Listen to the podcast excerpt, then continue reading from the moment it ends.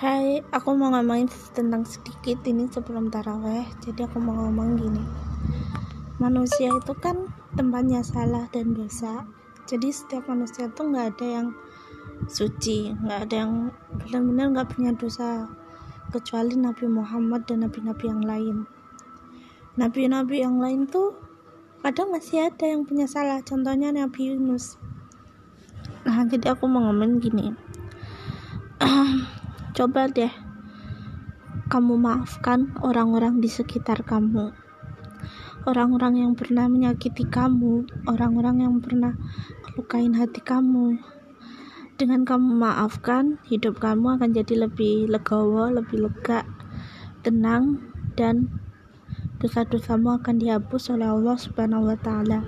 Kenapa aku bisa bilang begini? Karena kita itu nggak ada yang terhindar dari fitnah-fitnah orang dari mulut cacian makian orang gitu. Tapi orang yang hebat adalah orang yang mau memaafkan saudaranya.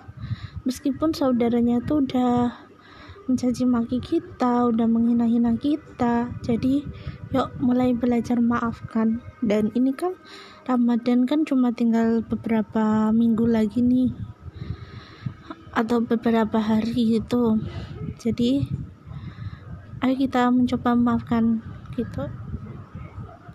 Kalau kita memaafkannya tuh udah dari puasa insya Allah pas idul fitri hubungan kita akan membaik. Karena memaafkan itu bukan cuma pas idul fitri doang.